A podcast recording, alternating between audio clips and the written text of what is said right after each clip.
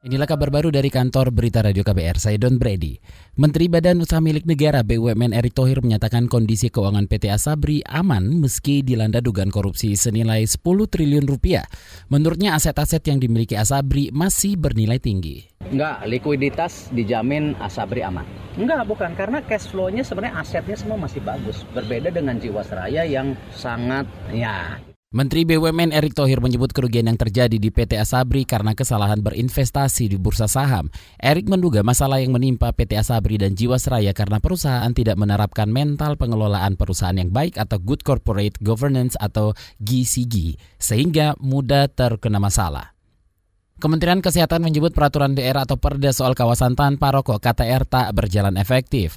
Direktur Pencegahan dan Pengendalian Penyakit Tidak Menular Kemenkes, Cut Putri Aryani mengatakan beberapa pemerintah daerah kurang memperhatikan penerapan perda KTR di lapangan mendorong pemerintah daerah membuat perda KTR meskipun pada kenyataannya perdanya sudah dibuat tapi masih banyak yang merokok itu kembali lagi kepada polisi pemerintah daerah setempat. Karena tadi tujuh tatanan ini adalah tanggung jawab pemerintah daerahnya. Karena nggak mungkin di pemerintah daerah kan ada dinas kesehatannya juga. Dinas kesehatan provinsi kabupaten kota. Sehingga kewenangan ini pemerintah daerah memantau apakah tatanan itu betul-betul sudah menerapkan kawasan tanpa rokok. Direktur Kemenkes Cut Putri Aryani mengakui meski Perda KTR telah ditetapkan di lokasi strategis di daerah, namun masih banyak yang belum maksimal.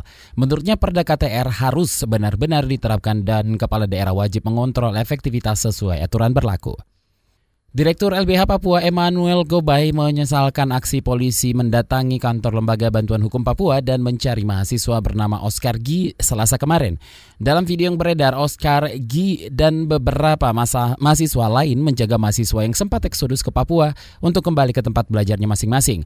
Menurut Gobay, kedatangan puluhan polisi itu tidak disertai surat tugas dan surat penangkapan. Ada pernyataan di situ yang menurut polisi itu menghina, sehingga mereka datangi kantor LBH untuk menangkap si Oscar G.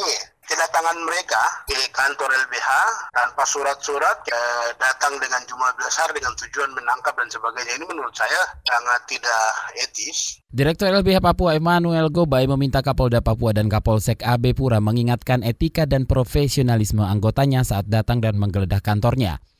Kita beralih ke berita olahraga. Saudara Indonesia menempatkan 12 wakil di babak 16 besar Indonesia Master 2020 di Istora Senayan. Di sektor tunggal putra, Cesar Hiran Rustavito, Anthony Ginting, Tommy Sugiarto, dan Jonathan Christie. Untuk sektor ganda putra, Indonesia mewakili, memiliki tiga wakil. Ketiganya adalah Kevin Marcus, Fajar Rian, dan Ahsan Hendra. Di ganda putri ada Gracia Apriani dan Istarani Tania.